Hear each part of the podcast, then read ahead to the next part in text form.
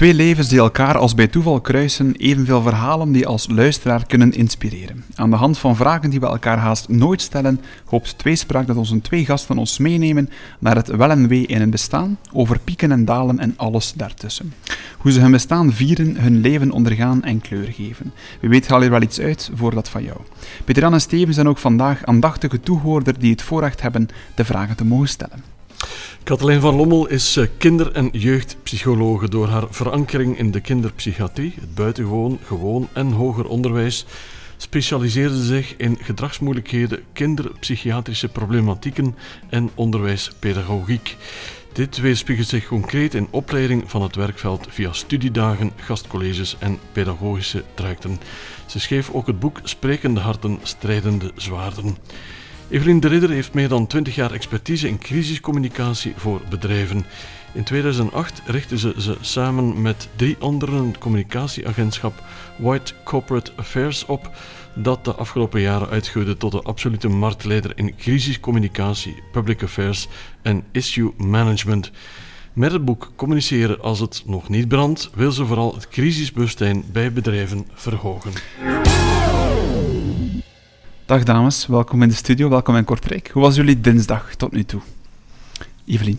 Oh, mijn dinsdag was uh, heel druk en is heel vroeg begonnen met een uh, allereerste vergadering al vanuit de auto rond 8 uur. Um, dat doen we tegenwoordig meer en meer. Hè. Met al het hybride werken is dat de normaalste zaak van de wereld geworden om tijdens uw um, commuting al aan, uh, aan um, aan meetings te beginnen. Dus ja, was, het was een drukke avond, uh, een drukke dag en een minder drukke avond, want ik vond het eigenlijk heel gezellig om naar hier te mogen rijden, naar Kortrijk te mogen rijden. En ja, mijn gedachten een beetje de vrije loop te laten gaan, twee uur in de auto te zitten. Op zich vond ik het helemaal niet erg. Super. Met welk gevoel begin je aan deze podcast eigenlijk? Ja, ik ben heel nieuwsgierig eigenlijk van wat er gaat komen. Ik heb uh, de vraagjes wel een beetje gezien die jullie willen stellen, maar ik heb mij eigenlijk zo weinig mogelijk voorbereid. Ik dacht, als het een spontaan gesprek moet worden, dan wil ik ook spontane antwoorden geven. Oké, okay, super. Ben je ooit al in Kortrijk geweest? Ja, ja, ik heb een heel goede vriendin die hier uh, in de buurt woont. Ja. Um, dus ja, ja, en ik vind het een heel leuke stad. Super. Katelijne, jouw dinsdag, hoe zag die eruit? Het was een hele uh, boeiende, bezielde dinsdag. Ik ben uh, deze morgen richting Oudenaarde gereden en uh, het was op de radio ging het weer al over het uh, lerarentekort. Hè. En ik was op weg naar een, een studiedag met leerkrachten. Uh, over moeilijk gedrag natuurlijk. En dan, uh, ja, dan valt het mij toch elke keer op als het over het lerarentekort gaat. In de top drie van redenen waarom leerkrachten het onderwijs verlaten, staat moeilijk gedrag. En dat wordt dus uh, geen zins meegenomen in de, in de aanpak daarvan. Hè. Mm. Dus, um, ja, dus dacht ik, dit wordt weer een, een heel zinvolle dag. Het was een, een, dag met heel veel bezielde leerkrachten. En um, ja, een hele fijne uitdaging om hier te mogen zijn vanavond. om een stukje authentiek iets van mezelf te laten zien. Ja. ja, want mensen zijn altijd open tegen jou, maar jij bent dat niet gewoon bij anderen, of toch? Uh, ja, toch wel. Hè. Ik, ik uh, probeer zeker ook heel authentiek. Uh, ik vind dat ontzettend belangrijk om authentiek te zijn in het contact met mensen, omdat je dan ook het best kunt afstemmen. Maar het is natuurlijk zo um, dat de mensen uit wie ik werk iets wat minder inzage in mijn leven hebben, of iets wat minder achter mijn façades kunnen kijken, dan dat ik dat, het voorrecht heb om dat bij hen te doen. Voilà, en vandaag gaan we die façades een klein beetje openzetten om onze luisteraars ook wat, wat te gunnen. We hebben inderdaad tien vragen voorbereid voor jullie vandaag. De luisteraars zijn die wel bekend. En we gaan er gewoon een eerste uitpikken, Steven. Wat denk je? Dat is goed, Pieter-Jan. We beginnen met de vraag die ons terugbrengt of terugkatapulteert naar onze 18-jarige ik. We hebben jullie leeftijd niet opgezocht. Dat is natuurlijk privé en dat gaan we misschien zo houden. Uh, maar als je terugkijkt naar het meisje dat je toen was, um, wat zou je dan aan haar zeggen? Welke goede raad zou je haar dan meegeven, Evelien? -hmm. Ik denk um, dat ik haar twee dingen zou zeggen. Ten eerste, um, heb maar een beetje meer zelfvertrouwen, maar een beetje een minder grote bek. Um, en de, die grote bek die camoufleerde eigenlijk het zelfvertrouwen dat ik niet had. Hè. Zo gaat dat wel vaak, denk ik, bij mensen die uh, um, zich heel uh, hard laten gelden. dus ik deed dat wel. maar dat zelfvertrouwen, ja, dat heeft toch wel eventjes gekost, denk ik, eer ik dat effectief had. en ik zie dat eigenlijk wel bij, bij andere meisjes of vrouwen die nu ook uh, bij mij werken. Uh, ja, voor het algemeen duurt het toch wel wat langer, heb ik de indruk bij vrouwen, om, om voor zichzelf uit te komen en te zeggen van kijk, ik sta hier, wat ik kan, dat doe ik goed. Ehm, en ja, uh, ik ben niet minder dan iemand anders. Dus voilà, dat zou ik zeggen tegen mijn 18-jarige ik. Mm Ik zag jou knikken toen ze dat zei, uh, Katelijne. Uh, ja, dat, dat lijkt me wel herkenbaar, inderdaad. Ja, ja dan hebben we het weer over die façades. Hè. wat zich daar allemaal achter achter speelt. Ik denk dat zo, een van de boeiendste dingen in mijn job is eigenlijk dat zo. Uh, zowel een, een, uh, een façade van uh, kwaadheid, maar ook van wat agressiviteit of schijnbare onverschilligheid. Dat zijn altijd de poortwachters van iets anders. Hè. Mm -hmm. dat is interessant.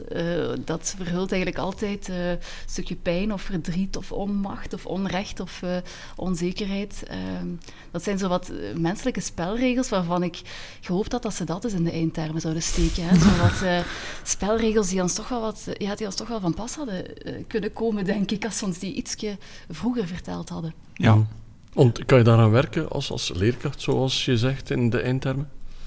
Oh, absoluut. Absoluut. En ik denk dat, um, ja, dat sluit een beetje aan bij, bij wat er wat in mijn hoofd kwam bij die vragen. Uh, we hadden het daarnet al over authenticiteit ik denk dat um, wij zitten in onze maatschappij nog met heel veel voorwaardelijkheid. Zeker als het gaat over gedrag. Dan moet ik ook, um, zonder oordeel weliswaar, hè, naar, naar mijn ouders, maar zonder oordeel, uh, even kijken naar mijn jeugd, waar toch als je ja, op een of andere manier wat verzet toont, of als je je eigen waarheid spreekt, of als je probeert trouw te zijn aan jezelf, dat soms er voorwaardelijkheid wordt ingezet, dat de liefde soms wordt weggenomen en dat kinderen zullen altijd eerst hun authenticiteit opgeven om de verbindingen te bewaren. En dus als, uh, als je als ouder of als leerkracht eigenlijk kinderen authentiek laat bestaan, uh, ja, dat is een gigantische cadeau. Hè? Dat is ja. een gigantische cadeau. Ja. Is dat onderwaardeerd de dag van vandaag, authentiek zijn? Is dat iets die te weinig wordt meegegeven met onze kinderen? Om authentiek te durven zijn en zichzelf voornamelijk te durven zijn? Ik denk persoonlijk dat dat iets afschuwelijk moeilijk is. Ik denk ja. dat ik er meer dan 15 jaar over gedaan heb om die terug te vinden. Hmm. Ja. En ik, ik, denk eigenlijk niet eens alleen voor kinderen. Authenticiteit is iets mm. dat voor iedereen heel moeilijk is. En zeker in mediarelaties of in, bij publieke mm. figuren zie je dat toch heel vaak. Of in crisiscommunicatie dan, als ik uh, uh, denk aan, aan, aan, mijn vak en, en hoe ik mijn klanten bijsta. Als zij moeten praten uh, met de media naar de publieke opinie toe, om dat toch op een authentieke manier te doen. Ik vind dat een van de moeilijkste dingen die er zijn. En ik denk dat dat ook een stukje te maken heeft met um, authentiek zijn. Dat betekent ook dat je daar dus um, met al je belevingen en al je emoties mocht zijn. Hè. Ook met kwaadheid, ook met frustratie, ook met onmacht. En je ziet bijvoorbeeld in onze pedagogiek dat de kleur rood nogal eens wordt ingezet als er kwaadheid aan te pas komt of mhm. frustratie. Vooral als een, een soort van uh, afkeuren van dat mag niet bestaan. Hè. Of uh, als je te veel je eigen waarheid spreekt als kind, dan uh, zult je als onbeleefd beschouwd worden. Hè. Um, maar ik denk dat die, die voorwaardelijkheid, uh, wat die authenticiteit ook in de weg staat, een stuk. En nogmaals, het is geen oordeel, we hebben dat zo gezien, hè, we hebben dat zo aangeleerd gekregen.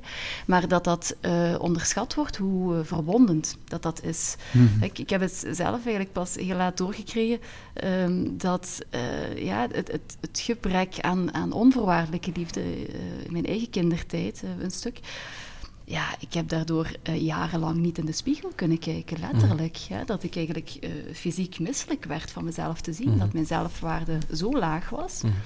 Um, of dat ik in één keer door begon te krijgen, oh my god, maar ik ben mij in partnerrelaties heel claimend aan het opstellen. En ik had dat helemaal niet door. Dus ik denk dat zo de, de gevolgen van een, een, een gebrek aan, aan authentiek kunnen zijn, door voorwaardelijkheid, voorwaardelijke liefde, dat dat heel ver kan gaan. En dat dat onbedoeld, en dat wil ik echt benadrukken, onbedoeld, ongewild, want geen enkele ouder heeft de intentie om dat te veroorzaken. Um, maar dat dat wel verwondend is. Ja? Dus dat het goed is om daar uh, uh, aandachtig voor te zijn, denk ik. Ja. Top.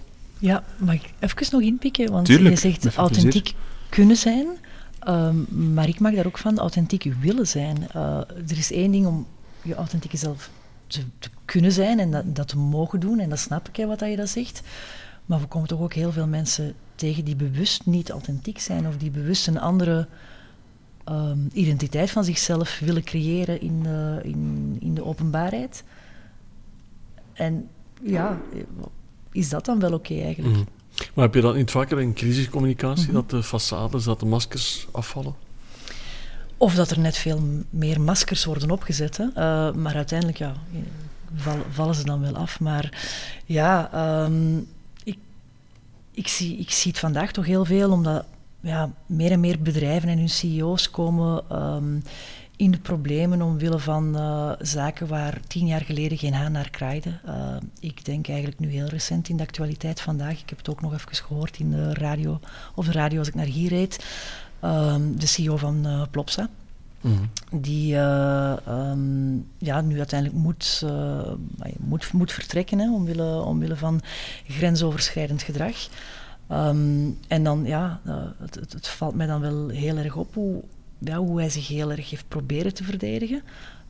En hoe het een bepaald schuldinzicht vaak moeilijk is op, uh, op zo'n ogenblikken.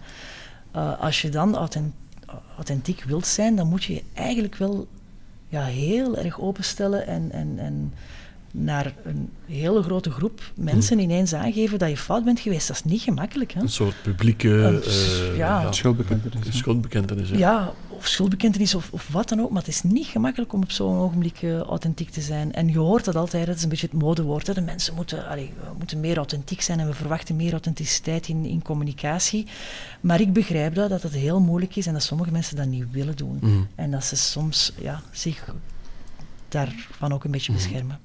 Kathleen, je hebt dat net een beetje ingespeeld op, op haar antwoord, maar wil jij nog iets zeggen aan die 18-jarige Ja, ik denk dat, uh, maar dat is hetgeen wat ik ook meeneem in, in uh, gedragsmoeilijkheden bij kinderen en jongeren. Hè, dat eigenlijk onder niet willen ligt altijd niet kunnen ligt altijd een vorm van onvermogen. Het niet willen is een, is een misleidend uh, iets. Hè. Uh, het niet willen komt voort vanuit een onvermogen. Hè. Of dat het te onveilig is om je kwetsbaar op te stellen. Of dat het uh, te bedreigend is. maar als ik achter de façades mag gaan kijken van mensen, komt het altijd neer op onvermogen. Mm. De, de, meeste mensen deugen, hè, zoals het boek mm daarna geschreven is. En dat is de grootste misleiding, denk ik, dat wij vaak in de valkuil trappen, dat het lijkt op niet willen. Ja. Mm -hmm. Dat is ook het verhaal wat ons verteld is. Hè. Ja. Absoluut. Mooi gezegd trouwens. Komt we hebben zo elke episode een quote dat we naar voren schrijven. Er zit daar nog een betere komt, maar ik ga deze alvast opschrijven. Goed, we gaan doorspoelen naar de volgende vraag. Um, ik ga er zelf eentje uitpikken. Um, en we gaan het hebben over uniciteit. En dan voornamelijk, wat maakt jou uniek en dus vooral anders dan iedereen? Katelijne. Ja, wat een vraag, hè. Uh, hetgeen wat in mij opkwam was dat ik denk um, dat ik op uh, belangrijke momenten in mijn leven, op, op de kruispunten waar het er uh, toe deed, dat ik het schijnbaar onzekere altijd boven het zekere heb gekozen. Wat bedoel ik daarmee? Ik, heb eigenlijk een, uh, ik ben grootgebracht in een familie waar er bijvoorbeeld heel veel angst was voor geld, tekort in geld, tekort in materie. Um, en ik heb eigenlijk altijd um, ja, uh, mijn hart gevolgd. Uh, ook veel keuzes gemaakt die dan in functie daarvan waren. Um, en dat, ja, dat, dat, was een oefening. Zo, ik ben daar niet de enige in, er zullen nog mensen zijn die dat gedaan hebben. Maar in mijn familie was dat, ja, is dat niet altijd heel gangbaar. Um, en, uh, maar het is wel hetgene wat bij mij past. Ja. Uh, dat is hetgene, ik, ik, ik uh, slaap veel slechter als ik niet mijn hart gevolgd heb, dan dat ik bezig ben met voor het schijnbare zekerheid te kiezen. En wat was op dat moment voor jou het hart volgen? Was dat dan opleiding, vrienden? Hoe moet je dat zien, concreet? Oh, dat heeft zich op een aantal momenten voorgedaan. Dat zijn ook de momenten dat ik zelfs uit mijn uh, dichtste uh, vriendenkring en omstaanders de blikken of de woorden kreeg. Uh, je bent echt totaal gek. Ehm, dat gaat over het niet aannemen van een goed betaalde job en in tegenstelling dan maar in scholen voor ehm, zeer beperkte budgetten gaan opleiding geven of vrijwilligerswerk gaan doen. net voor corona, zelfstandig in, een in de hoofdberoep worden, mijn, mijn goed betaalde job opzeggen. Dus uh, dat gaat eigenlijk over springen. Dat gaat over overgave. Maar um, ik merk ook wel dat als ik dat doe, hè, dat het leven werkt voor mij. Ja. Dat is, uh, en dat is iets, iets heel lastig, overgave. Mm -hmm. Maar uh, in retroperspectief, uh, ja, denk ik dat dat mij alleen maar aanmoedigt om dat nog meer te gaan doen. Want je zei, in mijn jeugd ben ik opgegroeid in een gezin dat een beetje angst had voor tekort van geld, of aan geld. Als je dan die onzekere sprongen waagt, is dat toch een beetje in die richting dat je dan wandelt, of niet? Of je altijd uh, zeker van jezelf, van het vangnet dat dan uh, komt? Ik ben zeker van het feit dat het leven voor mij werkt. En dat als ik durf springen, um, dat ik. Uh, dus dat, um, dat, ja, ik ben daarin nog nooit afhankelijk moeten zijn van anderen. Mm. Um, en ik had eigenlijk altijd het vertrouwen dat, uh, dat ofwel ik zelf wel tot oplossingen zou komen, of, uh, of het leven mij in één keer oplossingen zou geven.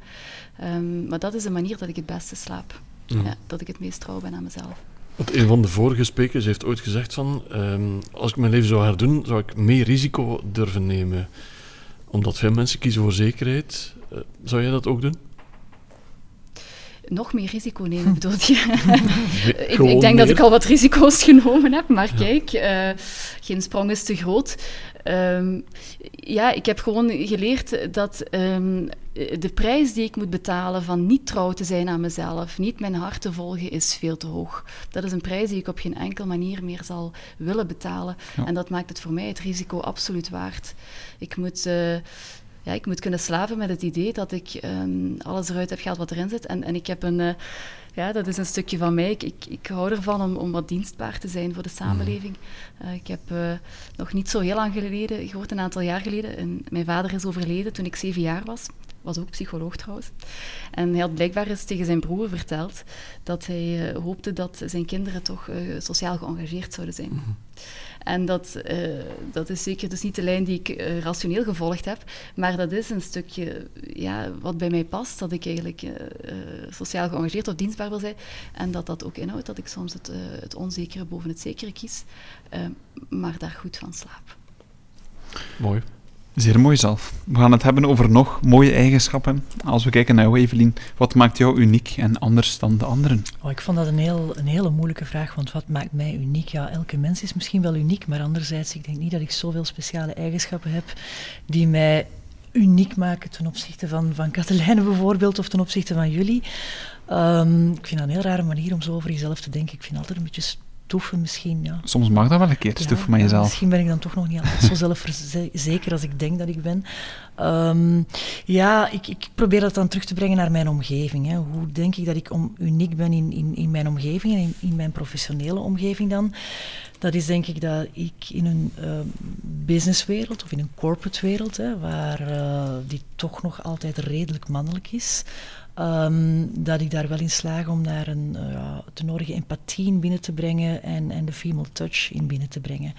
Ja. Um, en dat ik uh, mij daar ook absoluut niet voor schaam. Hè. Um, dus uh, als er dingen worden gevraagd die niet passen in mijn planning, omdat ik ook kinderen heb en als ik, dat ik als mama op een bepaald ogenblik thuis wil zijn, dan zeg ik dat ook gewoon. Ja. En, uh, dat wordt eigenlijk ook aanvaard. Ik vind dat ongelooflijk. Als je daar gewoon heel, heel natuurlijk mee omgaat en als, uh, uh, ja, als je die dingen gewoon zegt.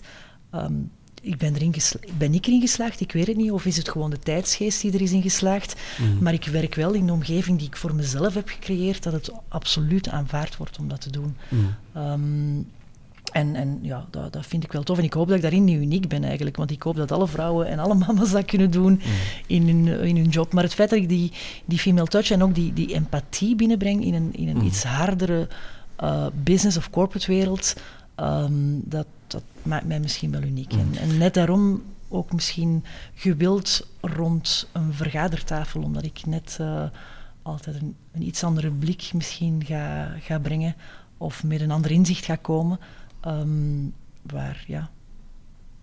En heb je dan veel moeten aanpassen aan die, aan die wereld waar je terechtkomt? Maar ik heb het geluk dat ik die voor mezelf heb kunnen creëren natuurlijk. Want uh, uh, ik uh, ben ook op een bepaald ogenblik zelfs zelfstandig geworden en een eigen agentschap gestart. Um, en ja, als je zelf die wereld kan scheppen waar, en dat agentschap kan, kan, kan vormgeven, dan doe je dat op de manier waarop dat jij dat wilt. Dus ik heb wellicht ook mij met mensen omringd die, daar, die daarvoor openstaan en, en die dat ook allemaal graag willen. Um, dus ja. Is dat iets dat je uiteindelijk, is dat ook zelf geleerd ook om in een harde wereld hard te zijn, maar was dat van in het begin moeilijk bijvoorbeeld, dan mij zegt van ik creëer mijn eigen wereld, maar wat zijn bijvoorbeeld maar tips denk, om dat voor jezelf zelf ik, te doen? Ik denk niet dat ik in een harde wereld hard ben. Uh, Integendeel, ik denk dat ik net in een harde wereld eerder soft ben en, okay. en dat heel, maar dat ook gewoon durf zeggen en durf En door, door, door, het soft zijn eigenlijk, of ja, zo te benoemen, eigenlijk krachtig overkomen. Dat is in principe, ja. Maar dat is eigenlijk, ook nog eens een hele mooie quote. Ja, door soft te zijn toch krachtig over Door soft te zijn krachtig over te komen. Ja, is het soft, is het hard? Nee, ik, ik gewoon um, in, in die, ja, die overwegend mannelijke wereld um, met, met, met vrouwelijke eigenschappen komen, die worden geapprecieerd. Ja. Mooi, mooi. De quotes vliegen ons om de oren, Pieter. Absoluut, amai, ik zal niet kunnen kiezen. Men zegt wel eens, verbeter de wereld, begin bij jezelf. Maar hoe probeer jij de wereld te verbeteren? Kathleen, je hebt al verteld over jouw vrijwilligerswerk, dat je daar veel uh, aan hebt voor jezelf. Maar zijn er nog andere manieren om de wereld nog mooier of beter te maken voor jezelf?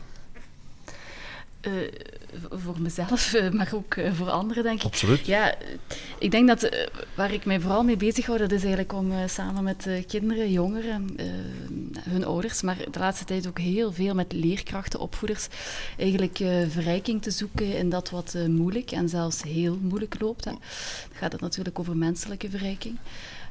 Um, en dus in het bijzonder, hè, zoals jullie ook al in de inleiding zeiden, in het bijzonder bij die kinderen en jongeren wiens lijf en brein eigenlijk het uh, minst sympathieke overlevingsmechanisme geactiveerd hebben, en dat zijn gedragsmoeilijkheden. Uh, het is echt een, een, een uh, toch nog wat een onontgonnen gebied in Vlaanderen, omdat uh, heel veel ideeën over gedrag en over de aanpak van gedrag zijn eigenlijk totaal niet interdisciplinair onderbouwd. Zijn gebaseerd op culturele erfenissen en dat is een probleem. Dat is echt een probleem, dat is uh, zelfs verwondend. En uh, dat maakt eigenlijk dat er heel veel leidersdruk blijft bestaan bij kinderen, mhm. jongeren, maar ook bij de mensen rondom hem. Ik zei het daarnet al, het, is, het staat in de top drie waarom leerkrachten het onderwijs verlaten. En dus ik probeer met mensen op zoek te gaan naar de taal van gedrag. Uh, en eigenlijk, als ik het met leerkrachten namiddag besprak, is het terug te vinden wat pedalogisch is. Want ons eigen lijf en brein weten ontzettend veel. Misschien, misschien mag ik een kort voorbeeldje geven. Als je kijkt naar de handboeken in de opleiding uh, psychologie, lerarenopleiding, orthopedagogie, dan staat daar bijvoorbeeld zo'n advies wat je moet doen als kinderen op een negatieve manier om aandacht vragen. En dat advies is dat je dat moet negeren en dat je het gedrag wat je wilt moet bekrachtigen. Nu, moet je eens eventjes naar je eigen leven gaan, als jij wat gestresseerd bent hè, en, en uh, het begint zich wat op te hopen en jij begint thuis op een bepaalde manier rond te lopen. Je hebt wat tekort ook misschien in zorg en aandacht en je begint dat uh, te tonen in je, je zegt nog niks, hè, maar je toont dat in je mimiek, je beweging wordt wat wilder, je ligt wat meer aan de kant, uh, het uiterste van de matras. Hè. En als je dan chance hebt, na een paar dagen vraagt dan iemand en scheelt er iets? En dan zeg je natuurlijk nee, maar je hoopt eigenlijk dat dat als een ja geïnterpreteerd wordt mm. en een gepast antwoord komt. Nu, als je daar dan de pedagogiek op toepast, en dus je hebt een partner, eh, stel je voor, die is opgeleid als pedagoog of heeft de leraaropleiding gevolgd, en die heeft geleerd, kijk, als je zo doet, dan ga ik dus net al mijn zorg en aandacht inhouden. Ja. Je moet je eens voorstellen wat dat met u zou doen als mens dan loop je daar verloren. Hè? Mm. En uh, stel je voor dat je dan een paar uur later toch aan de afwas staat en dan heeft diezelfde partner geleerd, ah, maar nu moet ik zeggen, kijk, zo heb ik u graag. Oh. Ja. dus dat is, dat is de waanzin wat ze ons mm. leren. Wij hebben heel veel pedagogische gewoonten die wij zelf niet zouden tolereren, waarvan ons lijf onmiddellijk voelt, dit is de waanzin. En dus ik probeer eigenlijk uh, de hele sterke uh, pedagogische erfenissen die we hebben te behouden, te koesteren en de verwondende uh, te doorbreken samen met, uh, met mensen die voor kinderen zorgen. Mm. Is dat ook een beetje het thema van jouw boek? Want we gaan daar ook een beetje reclame voor maken natuurlijk. Sprekende harten, strijdende zwaren. Dat zit ook een beetje in wat je zei. Ja, dat is de bedoeling uh, om de taal van gedrag samen te ontdekken. Hè. De titel is eigenlijk uh, tweeledig opgebouwd. Enerzijds, de sprekende hartstrijdende zwaarden. Zij die met ons strijden, die kinderen die met ons strijden, maken eigenlijk, uh, of wijzen onze harten niet af, maken er net aanspraak op. Hè. Ze zijn aan het communiceren met ons. En anderzijds, daar ging het daarnet ook al een beetje over, die, zo die polariteiten die soms gesteld worden. Ehm, het gaat voor mij in de pedagogiek over warmhartige daadkracht. Het gaat over de integratie integratie van een hart en een zwaard. Over en onvoorwaardelijke liefde en aansturing. Hè. Over um, en uh, geduld en daadkracht. En dus uh, wij zitten in een maatschappij die zeer polariserend is, waar het voor ouders ook heel moeilijk is om te zoeken, wat moet ik nu? Maar het, het gaat over een en-en. En dus vandaar mm. de titel. Mm. Evelien, ik zie je ook knikken. Je hebt al verteld dat je kinderen hebt. Is dat iets wat je in de dag, dagelijkse praktijk ook ervaart, wat Katelijne vertelt? Ja, um, ja, ik ik heb ook kinderen met kleine gedragsproblemen. nee, het valt heel goed mee. Ehm, nee, ik vind het een ongelooflijke les die zij mij hier geeft. Uh, en het voorbeeld dat je gaf, vond ik zo sprekend, uh, waar ik dacht van, je, je, hebt absoluut gelijk. En daarom is dat ook jouw job waarschijnlijk. Dus uh, nee, dank je wel voor die les. Um, nu, als, als jullie aan mij vragen van ja, wat, ik doe om, om, om elke dag de wereld een beetje beter te maken.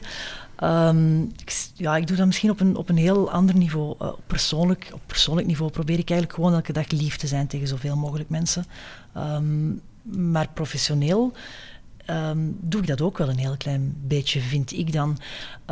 en sommige mensen klinkt dat raar in de oren als je weet dat ik werk voor um, heel wat corporates of bedrijven die op dit ogenblik niet de beste reputatie hebben. Hè. Dat zijn de big corporates, Amerikaanse bedrijven, dat is soms de farmachemie sector, mm uh, voedingssector, um, die, uh, ja, waar... Uh, Um, misschien die producten brengen met heel wat, suiker of die het niet altijd uh, um, goed hebben genomen met uh, uh, hun leveranciers of die niet de juiste verpakkingen gebruiken. Ik denk, ik denk maar aan al die zaken.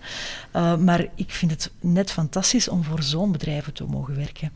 Um, omdat ik heel erg voel dat we vandaag in een maatschappij leven waar heel veel zaken niet meer worden getolereerd en waar bedrijven dat ook hebben begrepen uh, en dat die ook het beter willen doen. Mm -hmm. um, en ik kan door die bedrijven te helpen, door hen een spiegel voor te houden, door hen aan te geven wat anders kan en op welke manier dat eventueel ook hun bedrijfsreputatie zou kunnen mm -hmm. verbeteren.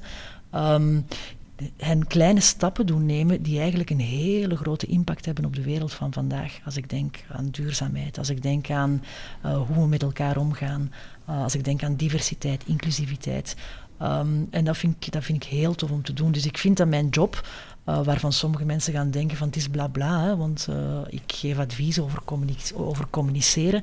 Nee, ik vind dat ik met mijn job eigenlijk ook echt een impact kan hebben en, en um, ja, de wereld verbeteren. Net door die bedrijven te gaan helpen die iedereen als boeman ziet. Amai.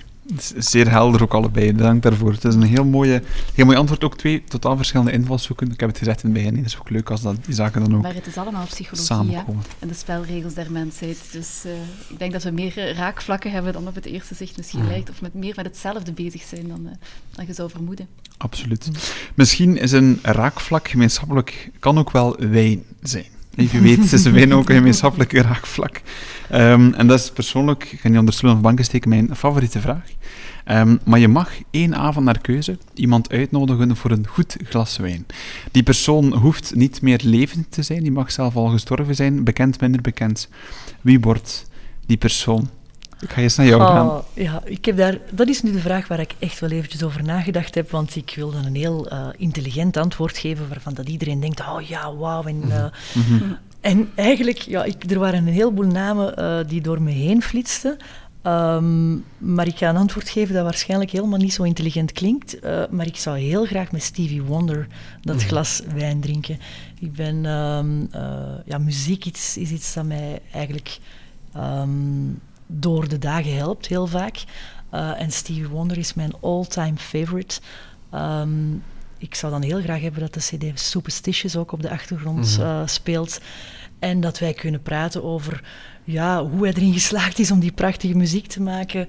Uh, wat hij zo fantastisch vindt aan optreden. Uh, liefst ook nog wel leuke anekdotes als hij ging toeren. En dat zou ik eigenlijk allemaal van hem wel eens willen horen. Mm. Heb je hem ooit zien optreden? Of, ik heb hem nooit zien optreden. Nee, nee spijtig genoeg niet. Want ik geloof dat hij 10, 15 jaar geleden in Oostende was. Toen hij al een beetje op leeftijd was, maar goed. Uh, nee, nee. Ik heb, ja. hem, uh, ik heb hem nooit, uh, nooit zien optreden, maar ik heb al zijn cd's nog mm, ja. grijs gedraaid tijdens mijn studentenperiode. Ik studeerde er ook op. Mm. En nog altijd zijn, zijn liedjes die ik die mij instant vaak mm. uh, happy maken eigenlijk. Dus muziek is op zich ook niet weg te denken uit je leven? Muziek is absoluut niet weg te denken nee. uit mijn leven. Nee. En een heel, heel belangrijk, ja. ja. Is het ook een beetje de persoon in de zin van ja, iemand met een ernstige beperking toch wel, die zoiets moois kan uh, realiseren? Dat, dat komt er bovenop hè, bij die persoonlijkheid en, en het feit dat hij inderdaad uh, als blinde zwarte man uh, het zover heeft geschopt, ja, dat, mm. dat, maakt het hele verhaal nog iets heroïscher natuurlijk. Absoluut. En ook gewoon echt prachtige muziek. Prachtige Zeker muziek, en vast. Ja. Wie mag er voor jou en, aan de wijntafel schuiven, zeg maar? Of wie gaat er maar wie ga jij één glaasje wijn drinken of meerdere? Ja, er moet inderdaad sowieso wat muziek op de achtergrond op staan. Hè. Dat is toch uh, dat is, ja, dat is zo dragend ook, hè, muziek. Dat is uh, onmisbaar, zoals jullie zeiden. En welke, um, welke muziek mag dat zijn voor je de naam lost van jou? Oh, dat, dat mag heel breed zijn. Dat hangt uh, echt, dat is klassiek, maar dat hangt af met, van mijn gemoed. En ook of mijn regulatie nog oké okay is of niet. als ik die een beetje moet bijsturen, dan niet te wild. maar als ik net naar een belangrijk vergadering moet en strijdvaardig wil zijn, dan zal het Imagine Dragons of zo zijn. Mm Om een beetje, um, beetje opgezweept te worden voor wat daadkracht te, te verzamelen. Ja, ja. Maar het is, ja, het is onmisbaar, denk mm ik. Ja absoluut. Ja. En dan de persoon en, natuurlijk ook. Ik ga het iets dichter zoeken. Ik denk, ik zei net al, uh, ik, uh, op zeven jaar is mijn vader overleden. En uh, ja, was een ontzettend ehm, belangrijk persoon voor mij, nog altijd trouwens. Hij belichaamt onvoorwaardelijke liefde voor mij. En ik zou heel graag uh, nog eens met hem rond de tafel zitten. Mm, en eens eventjes uh, horen van uh, ja, hoe hij kijkt naar de keuzes die ik maak en, en naar mijn leven. Um, en anderzijds denk ik dat ik ook al weet wat hij zou zeggen. Dus uh, ik denk dat hij, um, als hij zou mogen kiezen, dan denk ik dat hij mij zeker zou toewensen om nog wat, uh, wat meer plezier terug te vinden, nog uh, wat vaker te lachen. Als kind mhm. kon ik ontzettend veel plezier maken. en ook de aanstoker zijn van de, van de groep. dat is dan een beetje verdoofd geraakt daarna, maar ik probeer dat heel hardnekkig terug te vinden. En daarnaast denk ik dat hij wel al heel blij zou zijn dat ik uh, mijn uh, onverschrokkenheid die ik als kind had, heb teruggevonden. Ja, dus, maar uh, dat, ja, dat zou mij plezier doen om mhm. even te, van hem te horen hoe hij, hoe hij kijkt naar mijn parcours. Mm -hmm. En wat bedoel je met onverschrokkenheid? Want dat is een woord dat we niet zo vaak gebruiken. Ja, ja. Eh, het leunt aan bij stoutmoedigheid. Hè? Maar als kind was ik echt, uh, voordat hij stierf, was ik, ja, ik kan het niet aan zeggen, onverschrokken. Jan uh, zonder vrees, hè? Ja, ja, ja dat... Goh, als ik iets, iets bedacht of als ik een bepaald gevoel had, of het nu intuïtief was of anders, dat was um, onomstootbaar. niet rigide, maar onomstootbaar. En dus we hebben het al over authenticiteit gehad, waar je eigenlijk als kind in een situatie kunt verzeild geraken, waar je authenticiteit opgeeft. En um, ja, ik, ik heb heel hard gezocht om die onverschrokkenheid uh, terug te vinden, maar ik heb het gevoel dat ik nu kan zeggen dat ze terug van mij is. Mm. Ja. En ben je blij dat ze terug is? Ontzettend. Ontzettend. Want dat, ze maakt van jou een andere, andere vrouw, of mogen we ja, niet zeggen? dat is ontzettend uh, bevrijdend is dat hangt ook samen met die authenticiteit en mm. terug je, je, eigen stem vinden.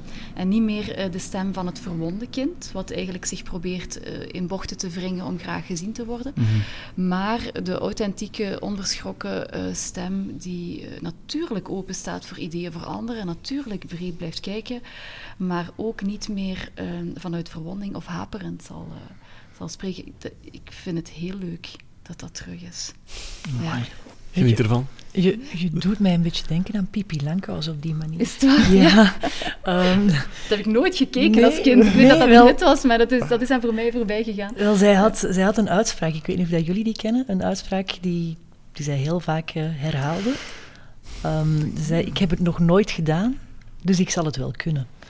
En dat is een beetje ook mijn lijfspreuk. Uh, en als je het hebt over onverschrokkenheid, dan is dat eigenlijk ook een beetje dat. Hè. Het is ja. niet uh, je hebt het nog nooit gedaan, dus wat in godsnaam zou moeten een indicator zijn voor het feit dat je het niet kan? Nee, in tegendeel, je hebt het nog nooit gedaan, dus alle kansen liggen er om het te kunnen. Oh. En dat is wel een manier om in het leven te staan, vind mm. ik. En, uh, ja.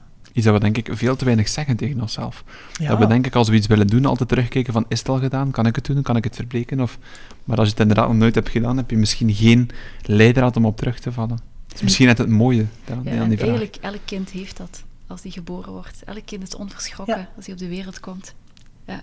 Dus ik denk dat het eerder een kwestie is van het terug te vinden, mm. dan van het te gaan zoeken. Dat is misschien een heel vreemde vraag, maar heb je een, een bepaald stappenplan om zoiets ja, terug te vinden? Oh, Want, dat zou een gat in de markt zijn. Absoluut. Dat maar... moet je een patent opnemen. Als je dat uh, kunt ontwikkelen, dan... Uh, daar zit niks anders op dan persoonlijke groei. En, en ik denk dat... Um, ik zeg altijd, gedrag is als een muziekstuk. En daar spelen ontzettend veel noten in mee. Dat gaat enerzijds over onze behoeften, maar dat gaat ook over uh, familiepatronen, dat gaat over bezieling, dat gaat over passie. En mm. voor mij heeft het geholpen om eigenlijk zicht te krijgen op mijn eigen muziekstuk, om de noten te leren kennen. Omdat zodra dat je de noten kent, en ook dat zit niet in onze eigen termen, hè, dat moet je dan uh, in opleidingen hier en daar gaan zoeken. Want zodra je de noten kent, kun je regie leren nemen, kun je leren dirigeren. Hè, controle is een illusie in het leven, dat, dat moeten we ons eigen niet vertellen. Maar je kunt wel met datgene wat er is leren regie nemen en dirigeren. En ik denk dat dat voor mij de weg is geweest. Maar boeiend. Als voor jullie hetzelfde zou ik misschien ook gewoon met jullie een keer een glas wijn willen drinken achteraf. om daar wel voor door, door te mijmeren. in plaats van het water dat hier uh, naast ons staat. Ja. Maar het dirigeren moet je ook wel leren? Of, of zijn mensen daarmee geboren? Nee, ja ik heb het moeten leren, zal mhm. ik zeggen. Maar dat heeft vooral te maken gehad met het feit dat ik uh, zelfs in mijn opleiding tot uh, kinderpsychologe uh, nog altijd geen kennis van die noten heb gekregen. Dus wij, wij hebben te weinig geleerd waar ons gedrag allemaal door aangestuurd wordt. We hebben geleerd dat ons gedrag vooral mhm. bepaald wordt door de vrije wil. Dat is een illusie van mijn kan niet meer. Mhm. En dus het is maar net door die spelregels te ontdekken, en dat moet je dan inderdaad zelf wat gaan zoeken via opleidingen. Maar ik, ik, ik eh, kan het iedereen aanraden. Ja. Maar kijk, eh, dat is nog eens een projectje voor jullie misschien. Hè? Absoluut. Nevenproject. Nemen we zeker mee. Nemen we zeker mee. Goed, we gaan een volgende vraag uitpikken, Steven. Absoluut. We gaan uh, naar ons leven kijken. We hebben al veel verteld over onszelf, waarvoor uh, onze grote dank natuurlijk. Maar misschien zijn er nog dingen waarvan we dromen, waarvan we zeggen van misschien kunnen we toch nog iets meer halen uit het leven zoals het nu is. Uh, niet dat we de lat altijd nodeloos hoger moeten leggen, maar misschien heb je toch nog ergens een droom om nog meer uit het leven te halen, Evelien. Ik ben eigenlijk heel, heel tevreden over hoe mijn leven momenteel loopt. Uh, klinkt misschien raar om te zeggen. Uh, maar er is wel um, iets wat, wat ik al, al, al, een hele tijd zeg en waar mensen soms van schrikken van, allee, waarom zou je dat nu doen? Maar ik, ik zou graag nog eens gaan lesgeven. Mm -hmm. ik, um, ja, ik heb het gevoel dat ik, ja, dat ik, daar, dat ik daar veel mee, mee zou, ja, zou kunnen bewerkstelligen. En dat ik daar ook zelf heel, um, heel content van zou worden. Dat mij dat veel deugd zou doen mm. om, om, om, om dingen door te geven en, en met jongeren bezig te zijn. Um, dus ja, ik, uh, ik zit momenteel misschien wel een beetje in, in, een, in een red race, mm. maar een toffe red race. Ik doe het graag. Ik vind het fantastisch hoe dynamisch mijn leven is en ook heel veel impulsen krijg. En, en, en het is niet iets dat mij moe maakt, in tegendeel, het is iets dat mij energie geeft. Mm. Um, maar ik weet ook wel dat ik dit niet ga blijven doen. Ja. En misschien is dan lesgeven wel een, een heel leuke manier om, om mm. ja, te vertragen, zou ik zeggen, maar dat is niet waar. Hè. Ik bedoel, ik kom uit een gezin, um, mijn ouders gaven beide les. Um, en ik heb ook wel gezien hoe, hoe, hard die daarmee bezig waren en, en hoe, allee, hoeveel tijd hen, mm hen dat nam. Hè. Dus dat is, ik wou hier absoluut niks, uh, niks verkeerd mee zeggen. Want het onderwijs schreeuwt om mensen. Ja. Zij in stromers is een moderne woord. Waar wacht je op? Um, tijd? Nee, niet tijd. Dat is een, dat is, dat is een keuze. Hè. Ja. Uh, op zich. Um, nee, ik ben er nog niet klaar voor. Ik, wil eerst, uh, mijn, ik heb mijn weg nog niet helemaal afgelegd. Um, in, in het bedrijf dat ik nu heb en, mm en uh, waar ik daarmee sta.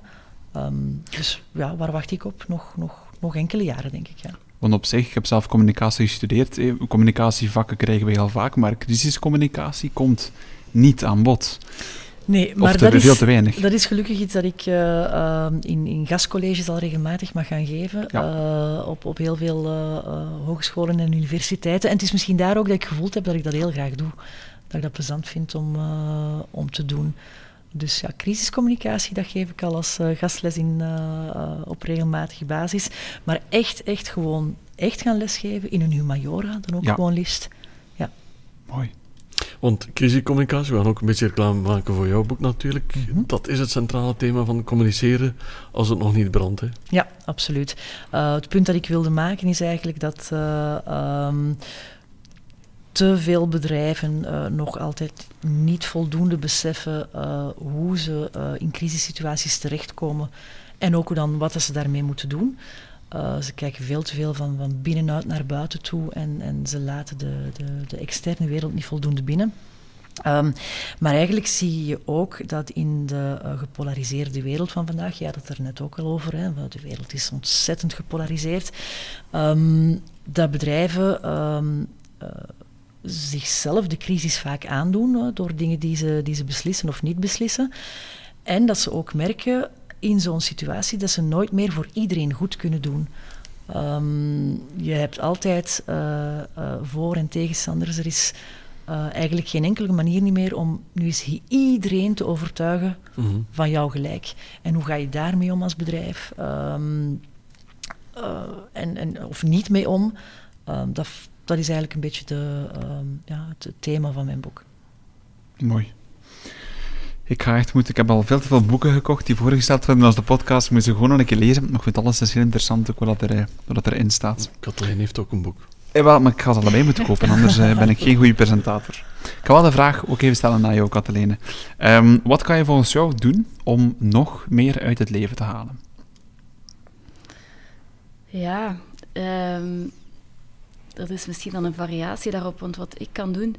Um, ik, ik hoorde het Evelien ook al zeggen, eigenlijk ben ik heel dankbaar met hoe mijn leven er nu uitziet. Uh, en is voor mij ook een stukje de oefening om in, in overgave te gaan en te kijken hoe het leven zich, uh, zich ontvouwt.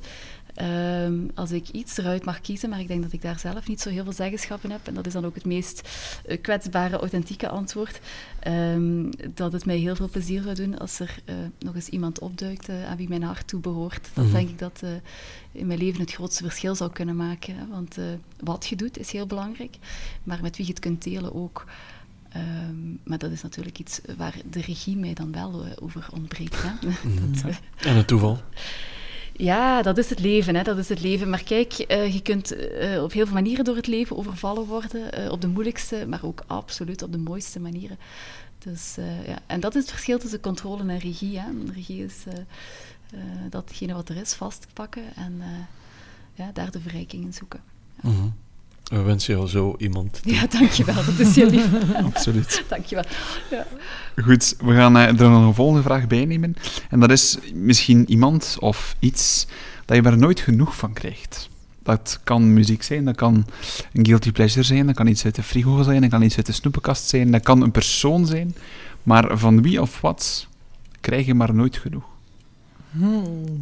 Evelien. Mensen. Ja. Mensen rondom mij. Um, ja, dat is absoluut iets wat mij, wat mij energie geeft. En uh, ik praat graag met mensen, ik ga graag om met mensen. Um, We vinden jou niet vaak alleen? Heel weinig, ja. ja. Misschien moet ik dat af en toe wel eens doen om, om, om toch ja, uh, af en toe die broodnodige rust te nemen die we allemaal wel nodig hebben. Maar eigenlijk, ja, nee, raak ik net opgeladen van omgaan met mensen. Hè. Dus als ik vanavond naar hier vertrok, dacht ik heel even, wat ben ik nu eigenlijk aan het doen om, om, om daar naar Kortrijk te rijden, om een podcast op te nemen.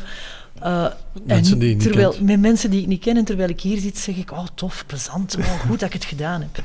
Ja. Dus ja, dat is, dat je zei er net in heel het begin dat je dag vroeg start meestal. Mm -hmm. Heb je dan s'morgens zo wat quality time voor jezelf? Of is het ook onmiddellijk met anderen dat je in contact staat? Uh, ja, uh, ik woon samen met mijn gezin, mijn man en twee kinderen. Dus nee, er is s'morgens nee. heel weinig tijd ja. om eventjes tot mezelf te komen. Nee, het is direct actie. Ja. Okay. Zijn er dan toch momenten in jouw leven, ik zeg maar iets in een weekend of zo, dat je toch even voor jezelf Ja, natuurlijk. Ik kan reserveren? Uh, ik kan, uh, uh, ik doe niet liever dan met een, um, met een goed boek in bad te duiken en daar uren te blijven liggen tot al mijn vel helemaal verrimpeld is en alles zelfs een beetje pijn doet als ik eruit kom. Dus ja, zeker dat. Als, als dat kan, dan, dan doe ik dat onmiddellijk. Um, sporten, denk ik ook. Um, alles, allerhande sporten. Uh, maar bijvoorbeeld ben een grote padelfanaat geworden. Dat is weer met andere mensen, ik weet het wel. Ja. Hè. Dat is, vind ik ook meestal de, de, leukste sporten. Sporten die je niet alleen moet doen, maar waar uh, toch een beetje een spelelement uh, in zit. Um, en verder, um, ja, die auto. Hè. Ik zit heel vaak in het verkeer. Maar ik heb daar eigenlijk helemaal geen probleem mee. Dat is een klik die ik voor mezelf gemaakt Mm. heb van... Ja. je weet dat je uren verliest. Hè, misschien, ja, verliezen, dat, ik, ik noem dat ook niet verliezen. Um, ik heb die klik voor mezelf gemaakt. Ik weet dat ik vaak uren in de auto zit. als ik dat optel per maand, uh, ja, gaan, gaan dat echt wel heel wat uren zijn. Maar ik heb die niet verloren. Ik doe dan heel veel dingen die ik misschien anders niet zou kunnen doen. Ik bel met ons mama bijvoorbeeld. of, meer of met andere vriendinnen. Of ik, ik, luister naar een podcast, ik volg de actualiteit. Of dan af en toe wel, alles wordt gewoon heel stil en ik probeer mijn dag te verwerken. En tegen dat ik dan thuis kom, kan ik weer de persoon mm. zijn die ik moet zijn. Dus, uh, maar voor de stilte tijdens een autorit, kan je daarvoor kiezen? Dan ben je helemaal op jezelf? Ja, toch wel. Ja, toch wel. Mm. Ik denk dat dat de enige uh, plek is waar, waar stilte af en toe zelfs heel welgekomen is. Ja. Zelfs Stevie Wonder Zelfs Stevie Wonder dan. het zal niet de hele rit zijn, man. Nee, maar dat is denk ik ook belangrijk dat we in een wereld waar we constant verwerken, verwerken, verwerken, ook een keer durven stil zijn, al is het in de wagen, maar dat we niet constant blijven verwerken. Met nieuwe kennis en nieuwe podcasts en dat is juist. Mooi. Nooit genoeg krijgen van mensen. Mooi antwoord. Um, ja, er zijn veel dingen waar ik geen genoeg van kijk, maar uh, één daarvan is zeker uh, bij een uh, goede latte macchiato, nog liever als een glas wijn.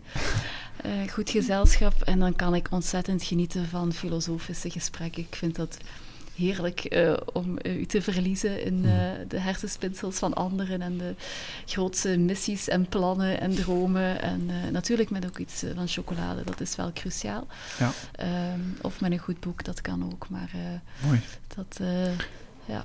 Er was een eerdere podcastgast die het recept had voor een avondje doodgaan. Ik weet niet of je het nog weet, Steven. En die zei, dat is heel raar, maar als je, dat was een bepaald glas wijn of een bepaalde wijn. Het was een liedje die oplag van Lisa Gerard, Sacrifice heet het. En die zei, als je dat oplegt en je zou die avond in die setting sterven, dan zou het allemaal niet zo erg zijn. Okay, dat is wel extreem. heel bijzonder, denk ik. ja. ja. kijk, voilà, dat had ik mezelf niet bedacht. Maar, voilà.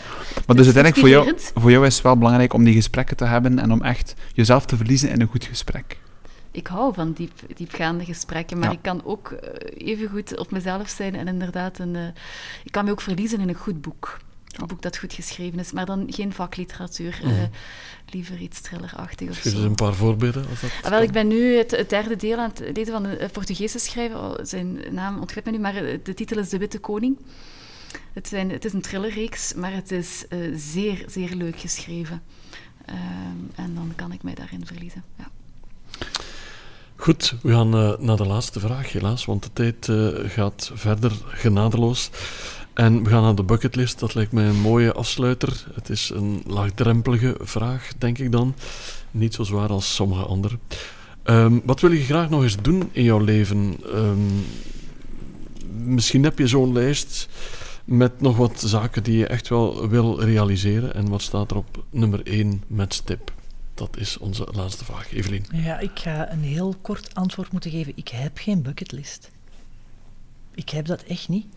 Um, dus ik zou het niet weten wat ik nog wil doen. Ik, uh, ja, uh, ik heb ook, nee, nee, sorry. Ik heb er geen antwoord op. Want in het verleden werd dan gezegd van ik droom ervan om toch nog eens naar de USA te gaan. Ja, of, maar ik droom uh, van zoveel dingen. Maar zijn dat bucketlisten? is dat iets waar ik ongelukkig ga van worden als ik het niet gedaan heb? Nee. Is er een bepaalde reis bijvoorbeeld die bovenaan je lijstje staat? De volgende? De volgende. De eerstkomende? Ja, ja. Nee. nee. nee, maar dat hoeft niet. hoeft niet. Het kan perfect zijn dat je geen lijstje hebt. Dat perfect kan. Niet alle vragen hoeven beantwoord te worden, dus ja, bij deze. En excuses. Nee, nee, nee, geen probleem. Geen probleem. Katelijne? Ja, ik ga toch op de reizen inpikken zou zo, en, en, vooral zo nog eens wat uh, tijd voor mezelf te stelen eigenlijk. En dan eens wat, uh, wat uh, weken misschien. Als ik dan zou mogen kiezen om in het juiste gezelschap ehm, wat weken in Italië door te brengen. Ik ben totaal geen ochtendmens. Um, ik ben een avondmens, dus mm. ik hou ervan om dan op het gemak op te staan, te brunchen. Uiteraard met twee, drie lattes. waar zo de kruimels ellenlang op je bord blijven liggen tijdens die filosofische gesprekken om dan namiddag wat cultuur te gaan opdoen. Ik vind uh, cultuur is echt voeding voor de ziel. Dat, uh, mm. vooral in Italië ben ik daar mijn hart aan verloren. Om dan s'avonds in de open lucht, heerlijk warm, ehm, nog op het terras iets te eten. Dat is, ja, dat is het summum voor mij. Daar, meer moet dat niet zijn. En een glaasje wijn mag daar uiteraard. Ja. Mag daar dan S'avonds mag dat wel. S'avonds, ja. ja. uiteraard, uiteraard. En wat live muziek mag dan eigenlijk ook nog wel. Um, maar dat, uh, ja, dat, dat meer moet het leven niet zijn eigenlijk. En heb je favoriete Italiaanse stad? Uh, kom je dan automatisch uit bij Rome of mag het iets anders Dan kom ik uit bij Firenze. Mm, mooi. fantastische stad. Ook Absoluut. met veel façades, Ja. waar heel veel verrijking nog achter te vinden is. Dus eh, ja, dat mag nog komen. Dan blijf je een beetje in jouw job hangen. Ik blijf binnen het thema. Maar kijk, als uw hart ergens ligt, dan, eh, dan, eh, ja, dan is dat de weg. Hè? Mhm. Voilà, dat is ook meteen het einde van deze podcast. Ik wil jullie bedanken voor jullie aandacht en voor jullie eh, kwetsbaarheid. Wat vond je er zelf van, van de aflevering? Ja, ik vond het heel plezant om te doen. Dank je wel om mij uit te nodigen. Veel plezier, bedankt om de afstand te doen, ook allebei. Dat wil ik nog een keer zeggen ook. Ben je ervan genoten, Katharijne? Absoluut. Ik zal u zeggen dat dat voor mij een uitdaging is. Ik heb eigenlijk collega's die heel weinig over mij weten. Ehm, en ik vond het een, een cadeautje om eens eh, een beetje achter, achter mijn muren te laten kijken. Mhm. Voilà. Dank je wel daarvoor. Super. En was dat moeilijk om, om jezelf een beetje prijs te geven? Ja, toch wat moeilijker dan ik dacht, ja. Ja. Ehm, want ja, jullie stellen eigenlijk wel heel persoonlijke vragen en we hebben elkaar exact vijf minuutjes vooraleer we dit eh, gesprek begonnen voor het eerst ontmoet. Ja, ik had daar, ja, af en toe vond ik dat wel wat, wat moeilijker, ja. Mhm. Er staat nog wijn in het frigo, wil ik even zeggen. De- Ideaal. Ja. Super. Alles is bedankt. Jullie bedankt. Dankjewel voor jullie eh, kwetsbaarheid, zoals Pieter Jan ook zei. En eh, dankjewel om eh, te komen. En ik zou zeggen, spread the word. Tweespraak overal waar jullie komen. Pieter Jan, dankjewel voor alweer aflevering 59. Absoluut, begint al te tellen. Dus eh, binnenkort, of de volgende zal episode 60 zijn, logischerwijs. Bedankt aan de dames, veilige terugrit en tot later. Tot weerspraak. Dank u.